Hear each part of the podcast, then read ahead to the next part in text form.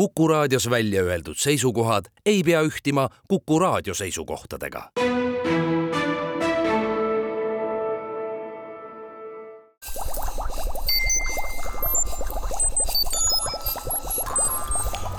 kukkuv õun head Kuku kuulajad, Kuku Õun eetris. teemaks täna, nagu arvata juba ka võite, Nobeli meditsiinipreemia, mis sedapuhku on antud äh, mRNA põhiste vaktsiinide eest. küll olen kutsunud Tartu Ülikooli molekulaarmeditsiini professori Ana Rebase, mina saatejuht Marek Strandberg ja küsingi kohe, et kui pikalt see nagu õhus tunda oli, et just nimelt äh, Katalin Kariko ja Drew Weissmann on need, kes võiksid Nobeli preemiat saada, minu meelest juba aastakese eest vist nende nimi jooksis võimalike kandidaatide hulgast läbi. tere, kuulajad, minu poolt ka, et äh, tõepoolest, äh, kui mRNA vaktsiinid osutusid edukaks, siis oli üsna selge, et keegi, kes nende arenduses ja leiutamises on osalenud, noh, avastustes, mis on nagu olulised nende arendamiseks osalenud, saab selle Nobeli preemia. aga täpselt muidugi ei olnud teada, kes aga Kataliina Kariko äh, kindlasti nimi käis läbi seoses just siis äh, sellega, et tema suutis mRNA muuta selliseks, et see ei tekita liigseid äh, immuunreaktsioone ja seetõttu siis on võimalik tekkida ka antikeha vastusel. räägimegi sellest taustast. mRNA-st oled sa korra kukkuvas õunas rääkinud väga põneval teemal nüüd ähm, ma saan aru, et kogu see mRNA vaktsiinindus ja kogu see temaatika on huvipakkuv just nimelt selles kontekstis, et sattudes rakku, paneb see raku tootma ühel või teisel moel siis seda valgujuppi, mida see mRNA pärivikusaine siis kirjeldab. Ja kus see peamine probleem on, et noh, tundub ju üsna lihtne, et mis seal siis ikka, teeme selle mRNA jupi valmis, kui nii-öelda immuunsüsteem, oleme teada saanud, milline on viiruses kõige kriitilisem valk, mis probleeme tekitab ja muudkui sünteesime selle mRNA, süstime inimesse ja peaks nagu aitama. aga mis seal siis juhtub, et see nii lihtne ei ole? no tavaliselt juhtub see, mis juhtub siis, kui me viirustega nakatume, et kuna jääme haigeks jääme haigeks, täpselt, sellepärast et äh, kaua aega ei osanud teadlased teha sellist mRNA-d, mis oleks äh, meie rakkude mRNA-ga sarnane, vaid see, mis alguses välja kukkus, oli sarnane viiruste RNA-dele. tal, noh, mingid osad olid olemas, valgusünteesiks vajalikud, e, katseklaasis kõik töötas, valku tuli, aga kui rakkudesse pandi, siis selgus, et äh, et äh, tekib RNA vastane immuunvastus. ehk et äh, isegi valku ei sünteesita juba seesama mRNA molekul on juba nii, nii ärritav, et immuunsüsteem asub seda tapma jah, see on äh, mitte nüüd seda, vaid immuunsüsteem hakkab siis neid rakke tapma, kuhu need, selline RNA satub. sama asi juhtub meil siis, kui me nakatume viirusega, sest esiteks pannakse üleüldse kinni valkude tegemine kõigi valkude? peaaegu kõikide, üheksakümmend protsenti valkudest pannakse kinni, kui me viirusega nakatume selles rakus, kus siis nakatumine toimub. natukene jääb seal alles ka ja põhjus on väga lihtne. organism kaitseb ennast sellega viirusnakkuse eest, et äh, need rakud, mis on nakatunud, need identifitseeritakse, nende valgusüntees pannakse kinni, nad suunatakse raku surma ja naaberrakkudele antakse teada, et oi-oi, siin toimub midagi. selle signaalmolekuli nimi on interferoon, kes naaberrakkudele ütleb, et meil on nüüd vaja toimetama. jätke meid rahule, hoidke must eemale. ja, ja kui siis nüüd teadlased need esimesed mRNA-d valmis tegid, siis nad tegelikult ei teadnud, milline see eh, mRNA molekul päriselt on, nad teadsid küll, et tal on noh, mingid ühes otsas Räägime, saba mis, ja. mis aastal see umbes oli, et nagu seda nii-öelda ajaloolist perspektiivi tahapoole anda? no ajalooline perspektiiv on see, et äh, tuhat üheksasada viiskümmend kolm avastati DNA kaksikheeliks. seda enam-vähem kuulaja vist aimab, et. ja umbes samal ajal hakati leidma ka, et on olemas vahemolekul, RNA molekul nüüd ma pean silmas pigem seda, et millal äh, Katalin Kariko nagu asus nende teemadega tegelema. Kariku asus üheksakümnendate alguses. ehk et see on nendega. meil ikkagi mingisugune selline äh, kolmekümne aastane teadmine. ja, ja ikkagi päris äh, pikk askeldamine oli ja esimene töö, mis siis nagu näitas, et, et, et mRNA-l on veel üks lisatunnus, mida, mida viiskümmend aastat teadlased ei teadnud et, et need on siis niinimetatud keemilised modifikatsioonid ehk et äh, see mRNA, mis äh, peaks olema ühel või teisel moel teadaolevatest komponentidest, midagi oli siis teadmata? jah, tegelikult isegi need komponendid olid teada, aga keegi ei teadnud, et need on mRNA-s ka. mRNA iseenesest, ma saan aru, on ütleme niimoodi, et mõõdukalt lühike molekulijupp võrreldes DNA-ga kui lühike see on? Äh, sõltub geeni pikkusest. DNA, üks DNA jupp on kromosoomi pikkune. just, seda mis on niisugune paras paarimeetrine tegelane võib-olla. jaa aga mRNA, ma nüüd sentimeetrites ei oska seda öelda siia võrrelda aga, aga no ühte kromosoomi mahub äh, ikkagi kümneid geene või isegi sadu, sest kokku on meil umbes äh, kakskümmend tuhat valku kodeerivat geeni ja siis need tuleb siis nende kromosoomide vahel, mis meil olemas on, äh, nelikümmend kuus kromosoomi paari ära jagada.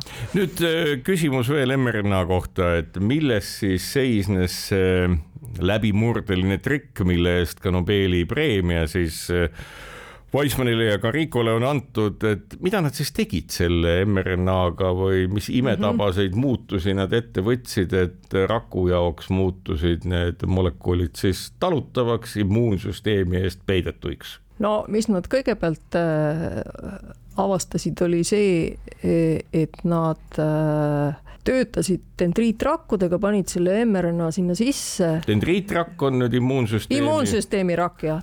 kas see on see rakk, küsin kohe, et kas see on see immuunsüsteemi rakk, mis peab ära tundma võõrkeha ja selle kohta midagi siis immuunsüsteemile edasi kandma? ja tema on just see kõige tähtsam ja kesksem, olulisem rakk selles mõttes, et tema vahendab tõesti kogu immuunsüsteemile seda.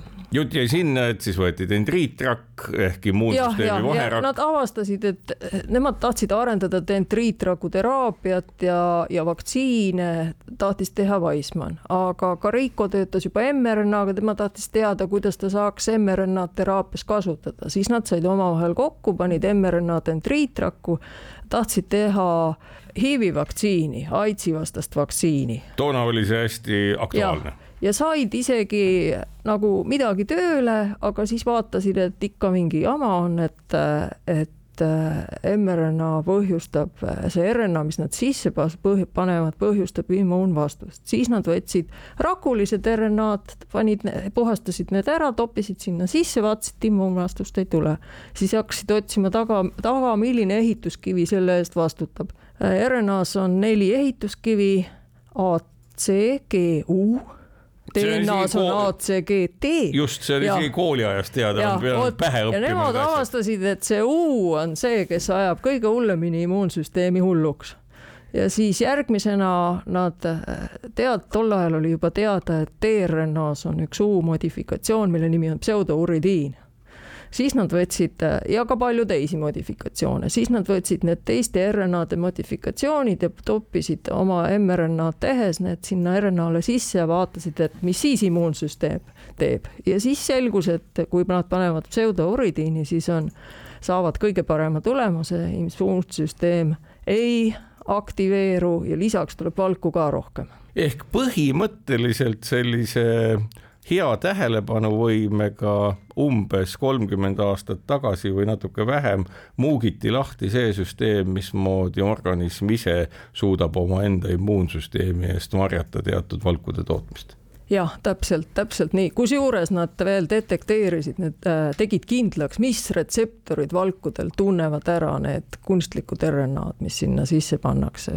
selle käigus, et neil oli ikka etapiviisiliselt ilusti tehti see töö läbi. aasta siis oli umbkaudu? Äh, peamine avastus oli kaks tuhat viis, aga esimesed tööd ilmusid tuhat üheksasada üheksakümmend üheksa, kaks tuhat HIV-i vaktsiinitööd olid natuke varem. paarikümne aasta tagune teadmine ja millal siis esimene katse tehti sellesama täiesti unikaalse teadmise pealt luua mõni vaktsiin, mis ka kasutusse võeti või siis ei võetud midagi veel? Mhm, tegelikult siis üsna kohe aga, olid mitmed firmad võtsid äh, mRNA põhised arendused või vaktsiinide arendused oma töösse ja tegelikult kõige esimene oli CureVac, selline firma ja siis samal ajal ka Moderna ja pisut hiljem BioNTech loodi kaks tuhat kaheksa, Modernat ma täpselt ei mäleta, millal see loodi, CureVac loodi aastal kaks tuhat. Aga Cuevac äh, ignoreeris seda teadmist äh, modifikatsioonidest, nemad äh, konstrueerisid oma RNA-d natuke teistmoodi ja, ja said ka päris head tulemused. aga BioNTech ja, ja Moderna võtsid arendusse siis modifikatsioonidega RNA ja ka Rico oli ka üsna varsti sellel, töötas ka koostöös siis er-, eriti siis BioNTechiga siinkohal teeme saatesse väikese pausi ja kuulake meid pärast vaheaega edasi.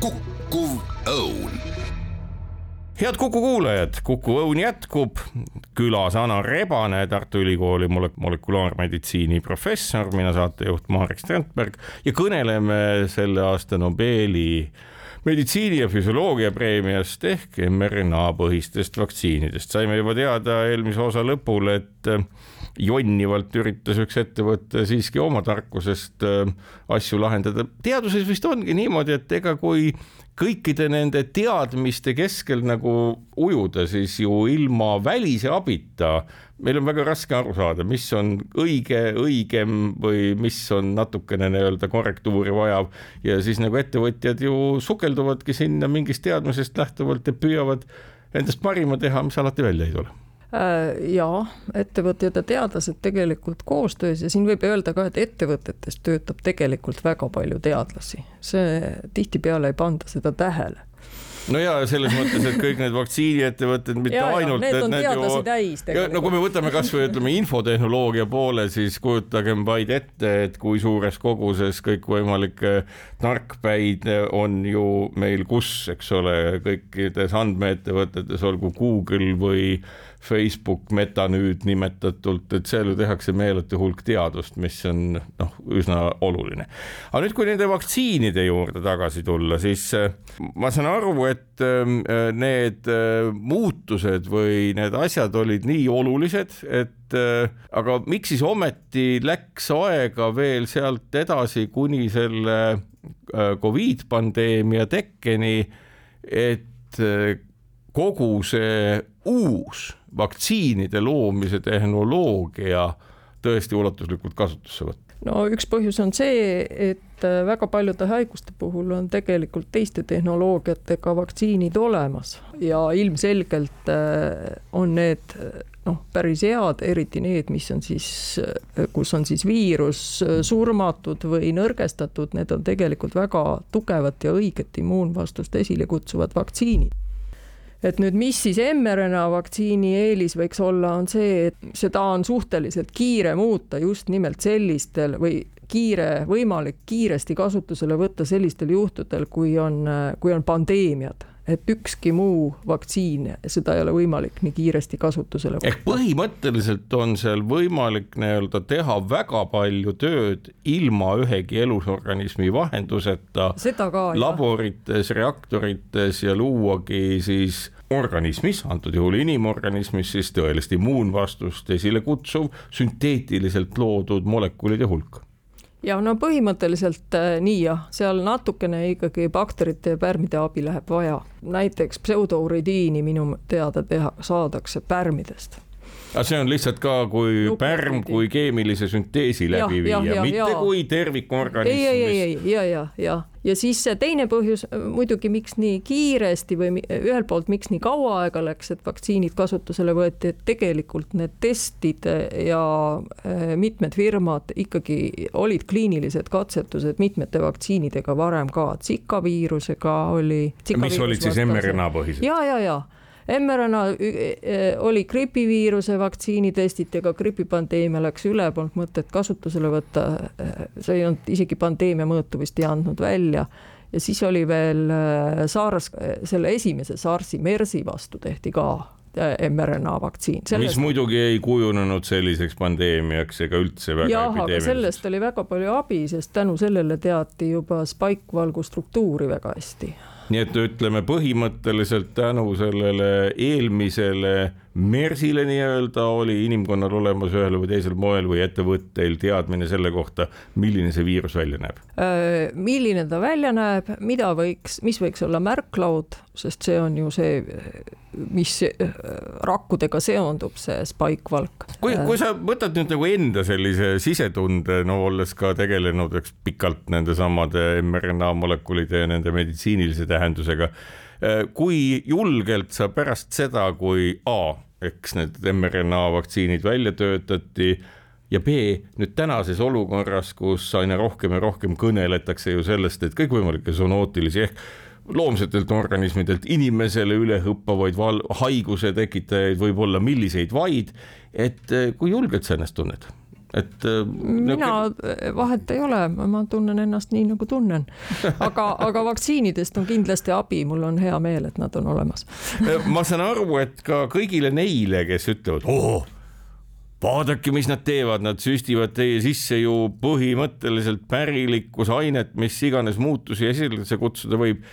ma saan aru, et selle ühe keemilise komponendi vahetuse tulemusena äh, ka kõiki neid ohte, mida üks või teine noh, tavaliselt ju üldse ebateadusel põhinev argument sisaldab, et neid argumente ei saagi olla, sellepärast et sellise nii-öelda äh, selle kõnealuse pseudomolekuli komponendiga need mRNA molekulid on hoopis teise mõju ja tähendusega.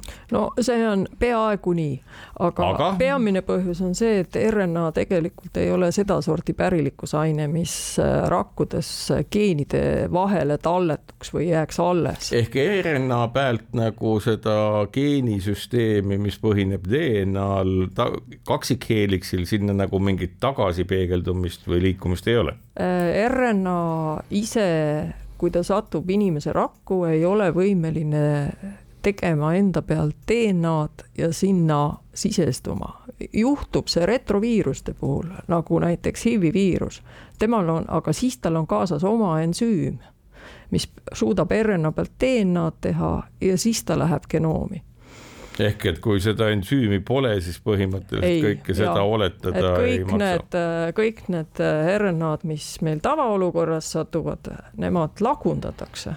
See on äh, geenide avaldumise üks äh, põhi, põhiolemusi, et kõik RNA, mis tehakse, see mRNA, see on vaja ka lagundada, sest igal ajapunktil igal ajahetkel, igas erinevas rakus on meil ju vaja erinev hulk RNA-d ja valku. Ja RNA läbi käib suur osa valgu valkude tasemete kontrollist. no põhimõtteliselt ma saan aru, et RNA komponenti on rakus mujalgi vaja, et seda nagu pikalt üleval pidada pole mõtet ja asi näeb välja selline nagu korralik kontor, kus siis ma kujutan ette, et dokumentide, kui need veel paberi peal on, käitlemise lõpptulemus on see, et need lastakse lihtsalt paberihunti RNA saatus on umbes samasugune Äh, jah, ja siis ta muidugi läheb veel sinna tööstusesse, kus see paber ümber töödetakse ja siis järgmised paberilehed toodetakse. just, just. sest see... no, samast nuklediidist saab ju teha uued, äh, uued, noh, see saab, kõik läheb kasutusse, mis vähegi võimalik bioloogias. ehk et kui tänasel hetkel maailmas keegi kõneleb nii-öelda ringmajandusest, siis kõige lihtsam viis nii-öelda ringmajandusest aru saada on püüda aru saada, mis toimub rakkus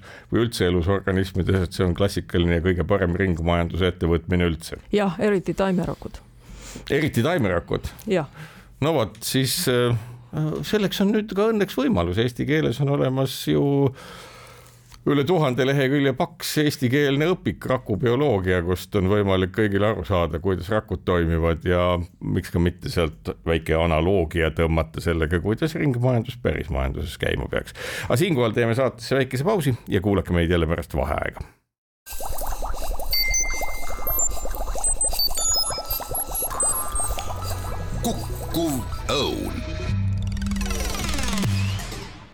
Head Kuku kuulajad, Kuku Õun jätkub, külas Ana Rebane, Tartu Ülikooli molekulaarmeditsiini professor, minu saatejuht Marek Strandberg ja nagu arvata võite ja nagu te mäletate, räägime me mRNA vaktsiinidest ja just nimelt sellesama Nobeli meditsiinipreemia kontekstis, mis anti Katalin Karikole ja Drew Weissmanile.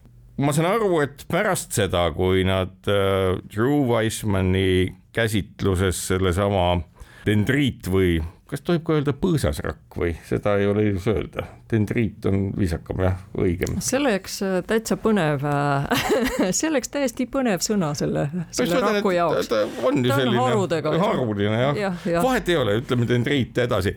et äh, kas nende koostöö jätkus või, või jätkub siiamaani? ausalt öeldes ma täpselt ei tea, tõenäoliselt see koostöö jätkub jah aga, aga ikkagi jah, sellepärast, et Carico on endiselt natuke seotud äh, äh, selle Pennsylvania ülikooliga, kus, kus ta kaua aega töötas. Aga minu meelest ta rohkem on nüüd Euroopas, sest tal aeg-ajalt olid seal väga suured rahastusprobleemid, sest tema metoodikasse ei usutud piisavalt ja ta ei ole kuigi hea grandikirjutaja olnud mis tähendab seda, et teadus ja edukas teadus ei teki ainult selle pealt, et vaatame, et millised on edukad grantid olnud ja. jah kui..., ja kas on, kas on ka tippajakirjades publikatsioone. kas tal oli? Äh, võib öelda, et tal on immunoloogia eriala tippajakirjas publikatsioon, aga mitte üldistes tippajakirjades nagu Nature ja Science. ehk ühes mõttes on Nobeli komitee täiesti vapustav seltskond, nad äh, nuhivad, otsivad heas mõttes välja kõik sellise asja, mis tõepoolest inimkonna arengut on muutnud, vaatamata sellele, kui kiidetud, austatud äh, ordenitega varustatud või formaalselt edukas teadlane üks või teine inimene on, nad leiavad üles selle esialgse oa, millest kõik see asi kasvama läinud. Äh, jah, kindlasti, nad, äh, nad, see koosneb teadlastest. ja, ja selles mõttes oli see päris huvitav, et äh, nüüd mitte küll Nobeli meditsiinipreemia kontekstis, kuid keemiapreemia kontekstis, kus Vene päritolu Jekimovi nimeline õpetlane, kes oli siis teinud esimest korda maailmas nõndanimetatud kvantpunkte või kristalle klaasi sisse. üks ajakirjanik küsis, et kuulge, et te annate venelasele Nobeli preemia, et kas tõepoolest venelane tuleb siis äh, Stockholmi sellele banketile? Ja vastus oli lihtne, pealegi noh, põhjusi oli palju, ta ei ole Venemaal elanud üheksakümne üheksandast aastast alates eelmise sajandi lõpust ja, ja siis öeldi, et jah, et paraku Alfred Nobeli nii-öelda soov oli siiski see, et äh, teadus, mitte rahvus saaks äh, au sisse tõstetud, nii et äh, selliseid asju on. ometi Carico ju seesama, mis sa mainisid, äh, kehva jutumärkides kehva edenemisega nii-öelda teaduse rahastamises. ta läks üldse tööle firmasse, sellesse samasse ettevõttesse, mis neid vaktsiine tootma hakkas. mina sain aru, et ta liitus selle firmaga alguses osakoor-, noh, pigem nagu kui nõuandja ja hiljem siis võib-olla siis, kui tal ei olnud enam sellist püsivat positsiooni Pennsylvanias, ta oli rahastusega hädas. Ma, oleme, ma ei tea detaile sellest. me oleme huvitavas olukorras, sellepärast et kui me vaatame nüüd Äh, sedasama Pfizeri mRNA vaktsiini loomist, siis toona kui mäletame kõik, eks ole, olid kaks hoopis teist inimest, kes olid justkui nende vaktsiinide loojateks.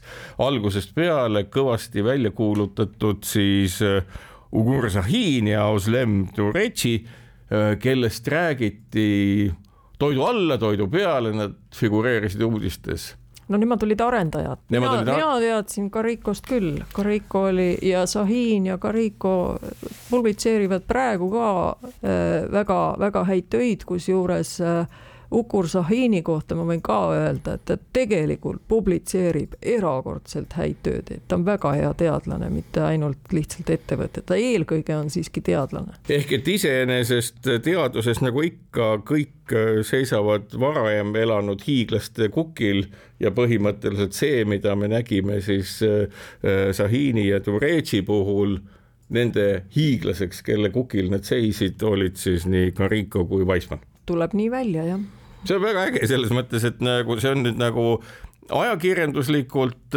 mis toona ju oli fokusseeritud väga sellele ma ei mäleta, et peajoone meediates oleks väga palju kõneletud ei Weissmannist ega ka, ka, ka, ka Riikost. Äh, mina kirjutasin Eesti arsti Karikost ja sellest ja. modifikatsiooni avastusest, aga see ei ole tõesti peavoolumeedia. loodetavalt on Nobeli komitee äh, võtnud sinu artikli ka aluseks ja vaadanud, et mida sealt saada võib. nüüd, kui tuleme tagasi mRNA vaktsiinide juurde ja mRNA-de juurde üldse kui molekulide juurde, siis milliseid, äh, kas, kas me oleme täna olukorras, kus me võime öelda, et põhimõtteliselt igasuguse haiguse või seisundi vastu on selline mRNA tehnoloogia nüüdsel hetkel siis võimeline tekitama vaktsiini kindlasti mitte, me ei ole selles seisus, aga kindlasti on, on hulgaliselt arendusi töös ja üks peamiseid suundi on, on vähivaktsiinide tootmine. ja miks just mRNA vaktsiinid ja vähk on see, et äh, kui mRNA puhul me siin rääkisime sellest, et toimub immuunvastuse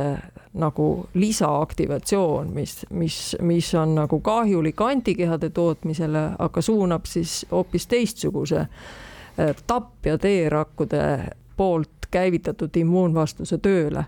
et see on vähi puhul nagu erakordselt kasulik, sest seal me lükkame vaktsiini vähiantigeeni, mida tavaliselt ei tunne immuunrakud enam ära, vähk on ennast oma immuunsüsteemi eest ära peitnud. mis üldse nagu vähirakk, kui sul aimu on, ma saan aru, et ta ehitab enda ümber väga nutikaid ja keerulisi kesti ja distantse, et ta suudab ja. hoida ülihästi immuunsüsteemi endast eemal jah, see on, äh, ta petab ära immuunrakud, immuun, immuunsüsteem on meil selline, et lisaks sellistele immuunrakkudele, mis meid ründavad või mis aitavad patogeene rünnata, mitte meid ei ründa, on olemas ka sellised immuunrakud, mis vaigistavad immuunvastuseid. et kogu aeg on tasakaal, näiteks need, kellel on autoimmuunhaigus, nendel on liiga palju ründavaid immuunrakke, mis ründavad keha enda rakke, nendel on, kes allergia, need tunnevad ära allergeene või noh, kõiki ükskõik keskkonnast mingisuguseid molekule ja reageerivad. ja siis on olemas immuunvastus, immuunrakud mis siis seda tasakaalus hoiavad ja suruvad alla neid vastuseid. ja vähi puhul siis vähk paneb tööle need immuunrakud, mis suruvad immuunvastuse alla, sest üldiselt immuunsüsteem ei lase vähil tekkida kui inimesega on kõik korras. krutskeid on igal pool, ma mõtlen praegu ka selle peale, et mainisid just nimelt autoimmuunhaigusi no mida on, tundub, et maailmas järjest rohkem ja rohkem. noh, on keegi, kes ütleb ja neid on päris palju, kes ütlevad, et see valdavalt tuleneb asjast, et me elame liiga steriilses keskkonnas. lapsed ei söö piisavas koguses mulda ei ole piisavas koguses lemmikloomi kodus, kes nii-öelda tekitaksid mingisuguse nii-öelda immuunvastuse õigel ajal kas nüüd ka mRNA tehnoloogia on ka midagi sellist, mis võimaldab autoimmuunhaigustega toime tulla, sellepärast täna me teame, et selleks kasutatakse kõikvõimalikke sünteetilisi antikehi, aga kas ka mRNA-l võib olla siin mingi roll? jah, teoreetiliselt küll, et äh, tegelikult on näiteks seesama Ugur Sahin, kellest me rääkisime, tema publitseeris kahe tuhande kahekümne esimese aasta alguses äh, ajakirjas Nature või oli see Science, ma võin segi ajada praegu artikli, kus ta näitas, et, äh, et seda suudab toota nüüd seda antigeeni noh, põhimõtteliselt tekitada autoimmuunsuse vastuse, vastase vaktsiini et see on nagu üks võimalus. kas see on üldine või see on alati spetsiifiline? see on antigeeni spetsiifiline, aga üldiselt on muidugi võimalus äh,, mRNA pakub tegelikult päris head võimalust immuunvastuseid moduleerida näiteks kui me toodaksime selliseid äh, molekule, signaalmolekule, mille nimi on tsütokiinid, mida lükatakse rakkudest välja ja mis äh, suhtlevad ja ütlevad immuunsüsteemile, kas siis nüüd aktiveeruda või mitte aktiveeruda. kui neid on palju, siis on see termin no, tsütokiini norm, mis tähendabki seda, et organismil on massiivne põletik. Äh, jah, jah, täpselt nii, kui need on tohututes kogustes, siis jah, tavaolukorras on nad meil olemas äh, rohkem-vähem ja siis kui me näiteks saame palavikku, siis on meil ka paljudki nendest olemas. ja siis üks vahend näiteks ka niisugust üldist ravimit teha, on siis ühelt poolt toota näiteks mRNA pealt tsütokiine, mis siis aktiveerivad immuunsüsteemi, see töötaks näiteks vähi puhul, on, on isegi kliinilistes katsetustes on, on üksikud tsütogeenid seal. nüüd teisel juhul, kui meil on autoimmuunsus, võiks ju toota neid tsütokiine mRNA pealt, mis siis vaigistaksid immuunvastuseid. siinkohal teeme saatesse väikse pausi ja kuulake meie viimast osa pärast vaheaega kukkuv õun. head kuulajad, Kuku Õun jätkub, külas Ana Rebane, Tartu Ülikooli molekulaarmeditsiini professor, mina saatejuht Marek Strandberg. Ana külas arusaadavalt põhjusel, et ta ise mRNA uurija ja ka selle molekuli rakendamise eest vaktsiinide loomisel selle aasta Nobeli füsioloogia ja meditsiinipreemia ka anti. Nüüd küsingi, et ähm, kuidas su enda uuringud siin Tartu Ülikoolis mRNA-ga on, et kas neist ka mingisugust sellist äh, Nobeli aastate pärast loota on või millele sa keskendud? jah Nobel on juba ära võetud sel alal kas on põhjust äkki suunda muuta? jah, ja, ja, ja ei tegelikult mina olen aastaid töötanud äh, hoopis teiste RNA-dega, mille nimi on mikroRNA-d. Need on sellised RNA-d, mis suudavad mRNA tasemeid reguleerida aga tõepoolest, me viimasel ajal olen, oleme, teeme, oleme teinud päris hulga katseid ka mRNA-dega ja meie mõte olekski proovida töötada välja sellised mRNA põhised terapeuutikumid või vähemalt teha esimesed sammukesed selles suunas, mis suudaksid immuunvastuseid vaigistada. ja üks mõte, mis koostöös siis Margus Pooga töörühmaga me teeme, on see, et me kasutame seal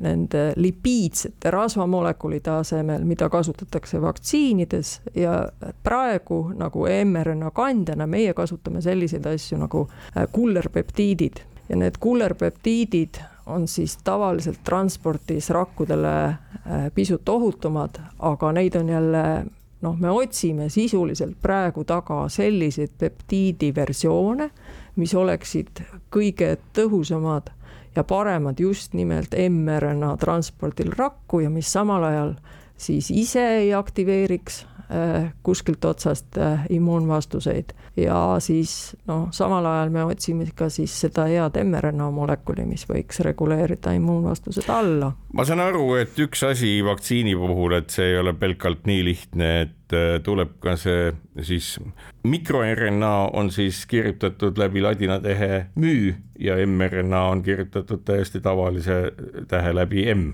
eks ole? ei ole, mikroRNA on kirjutatud tavaliselt MI. RNA või siis mikro välja, mikro no,. ei kasutata. jälle targem jah, õpi ära. õpin ära, olen järgmine kord targem ja nüüd, aga, aga selle mRNA puhul on ju küsimus siis selles, et ma saan aru, et üks asi veel, mida vaktsiini loomisel tuli lahendada, oli leida see rasvane kasukas, millega suudab siis mRNA ennast äh, siis valgu või vabandust, rakku sisse viia. ja see on, see on tõepoolest tõsi et äh, see rasvane kasuka väljatöötamine on võtnud ka aastakümneid aega ja seal on üks põhjus. mis seal keerulist on, see võiks äh, olla lihtne, et võtad ka... rasva tilga ja, jah, ja mis seal keerukas on? osad rasvad ei lähe sisse rakkudesse osad võtavad selle mRNA kaisu, lähevad sisse, aga ei lase seal lahti seda ehk et see on ka päris omapärane ja. nipitamine ja kolmandad on toksilised. lihtsalt. jah, ja tegelikult väga paljud nendest on toksilised. Ja, ja neljandad on noh, sinna, seal tuleb mängida laengutega, näiteks need rasvamolekulid, mida praegu kasutatakse, on kõik positiivsete laengutega, need laengud peavad olema õiges kohas, et sul tekiks õige kujuga nanopartikkel. ja see nanopartikkel puutudes kokku rakukestaga teeb sellesse membraani augu ja viib no päris nii see ei ole, sellepärast et äh, rakk tegelikult kogu aeg kommun-, noh, suhtleb oma ümbruskonnaga, võtab toitu sisse, laseb toitu välja ja selle tee põhimõtteliselt ras-, rakumembraan võtab kaisu selle rasvamolekuli ja tõmbab endale sisse ja selle protsess, seda protsessi kutsutakse nagu endosomaatiliseks rakk, tekivad endosoomid. Ja siis selle suure palli sees läheb see rasvamolekul rakku ja siis on järgmine äh, etapp ega midagi ei juhtu, kui äh, need väga paljud nendest äh, asjadest seal palli sees, kui nad on liiga rasvased, jäävad sinna palli kinni ja see endosoom ei lõhustu või siis tuleb lüsosoom kohale, lõhustub selle kõik ära, pH muutub ja RNA-st ikka mitte midagi kasu ei ole, ta satub valesse kohta. ma saan aru, et sinu uuringud mikroRNA-ga on seotud sellega, et mikroRNA-d kapseldada üldse sellisesse väiksesse valgukesta. jah, me teeme mõlemat tegelikult tegelikult nii mikroRNA-d kui valgul mRNA. on siis olulisi eeliseid. Äh, valgujupikesi me kasutame jah, seal on nii ja naa, lihtsalt ühed oskavad paremini valku teha ja teised äh, seda rasvamolekuli, aga valgul on tegelikult omad eelised. tema struktuuri ja selle nanopartikli struktuuri, mis pärast tekib, on oluliselt äh, lihtsam kontrollida, ta tavaliselt on äh, on kompaktsem äh, või siis noh, paremini kontrollitud suurusega nanopartiklid. ehk piltlikult öeldes, kui kuulata sinu juttu, on siis see uurimissuund, mida sa harrastad ühel või teisel viisil kunstliku viiruse loomine, milline on ju ka teatava valgukestaga ja millega iganes, et luua siis nagu uusi medikamente, mis oleksid nagu õppinud looduse erinevatest aspektidest ja inimesel lõppkokkuvõttes kasulikud. Äh, päris nii ei saa öelda, sellepärast et viirus, kunstlik viirus on selline, kes äh, noh, viirus paljuneks rakus meie valgu, meiega nanokompleks, kus on peab minema sisse, tegema ühe ülesande. ja, ja, ja seal kõik. on ainult ühte tüüpi väikesed valgujupikesed ümber, aga, aga seal on tegelikult täpselt samasugused äh, probleemid, millega me kogu aeg võitleme, mis on siis selle nano äh, rasvamolekuli puhul, et, et ikka samasugused äh, asjad tuleb lahendada seal ka Äh, mingit niisugust märki tänasel hetkel, kujutan ette, veel ei ole, nagu saaks. Äh, ei äh, ole patenti, ei ole Nobeli preemiat ja ei, ei ole. ei, ma mõtlen nagu seda, ma isegi ei mõelnud seda, ma ei mõelnud seda, mitte seda ei otsinud ma, aga ma saan aru, et mingit märki ei ole selle kohta, nagu rakkudega seotud teadus kuidagi otsa võiks saada oi, kindlasti mitte jah. kuidas täna on, et kui äh, kujutada ette, et kas noorel inimesel, kellel võib-olla siin poole aasta pärast on vaja valikuid teha, kas äh, tema jaoks on selline rakubioloogia, molekulaarbioloogia ähm, molekulaarmeditsiin ja kogu see valdkond, äh, kus tuleb väga täpselt aru saada, mis toimumas on, et enam ju sellist alkeemilist ebamäärasust on teaduses aina vähem ja vähem. et kas see on selline noh, ütleme lubav tegevus, et istud õige ratsu peale ja võid pikalt sõita ja sellist nii-öelda teadmist on inimkonnal kogu aeg vaja. selle kohta võiks öelda nii, et praegu tegelikult enamus uuringuid on suunatud nagu väljaselgitamisele, mismoodi haigustes kõik need asjad toimivad, et väga palju baasasju me siiski juba teame. Et baas äh, rakubioloogia kindlasti seal on arenguruumi veel siis teine suund on see, et kuna informaatika ja meie võimekus äh, päevas, ma ei tea, mitu inimese genoomi kindlaks teha ja äh, kõik geenid selgeks teha, mis, kus, mis, äh, aga see tohutu informatsiooni hulga järgi arvutamine, mis reaalselt toimub, see on nagu pisut aeglasem, et üks suund on siis bioinformaatika, mis on praegu väga-väga levinud, meditsiiniandmete analüüsid, informaatikad et see on aru, hästi kiiresti arenev suund. siin eelmise aasta detsembrist ju praktiliselt kõik informatsiooni ja andmetega, suurandmetega tegelevad teadusvaldkonnad püüavad ühel, teisel või kolmandal moel rakendada neid samu keelemudeleidki, mis vatravad meiega, ajades aeg-ajalt täielikku udu, aga püütakse neidki õpetada päris teadmiste põhjal, kuidas sinu valdkonnas? kas see küsimus on nüüd selles, et kui ma chat GPT-st oma valdkonnas küsimuse esitan, kas ta vastab mulle õigesti? chat GPT on õpetatud liiga üldiste asjade peale, aga keelemudeleid, nagu ma aru saan, neid samu suuri keelemudeleid, neid äh, õpetataksegi juba teatud valdkonna andmete pealt ilma. leidma üht-teist üles. Leidma üht-teist üles, ilma et neid häiritaks sellise asjaga, mis kahjuks panevad neid keelemudeleid üldiselt välja õpetatult täielikku jama ajama ma ilmselt ei ole andmeteadlane, et oskan sellele väga täpselt vastata. aga kindlasti mingid arendused siin toimuvad ja, ja, ja samuti keeleotsingut, et noh, ütleme patsientide andmete põhjal on võimalikud, kui sealt mingisugused jah, aga kui täpsed need on ja kui hästi nad töötavad, ma ei oska öelda. aitäh, Anna Rebane, et said tulla Kuku Õuna saatesse kõnelema nii mRNA-st, mikroRNA-st, nende kasutatavusest ja sellest, mis on selle aasta välja antud Nobeli füsioloogia ja meditsiinipreemia laiem tähendus. sellega on Kuku Õuna saade läbi, kuulake meid jälle nädala pärast ja kaunist päeva teile.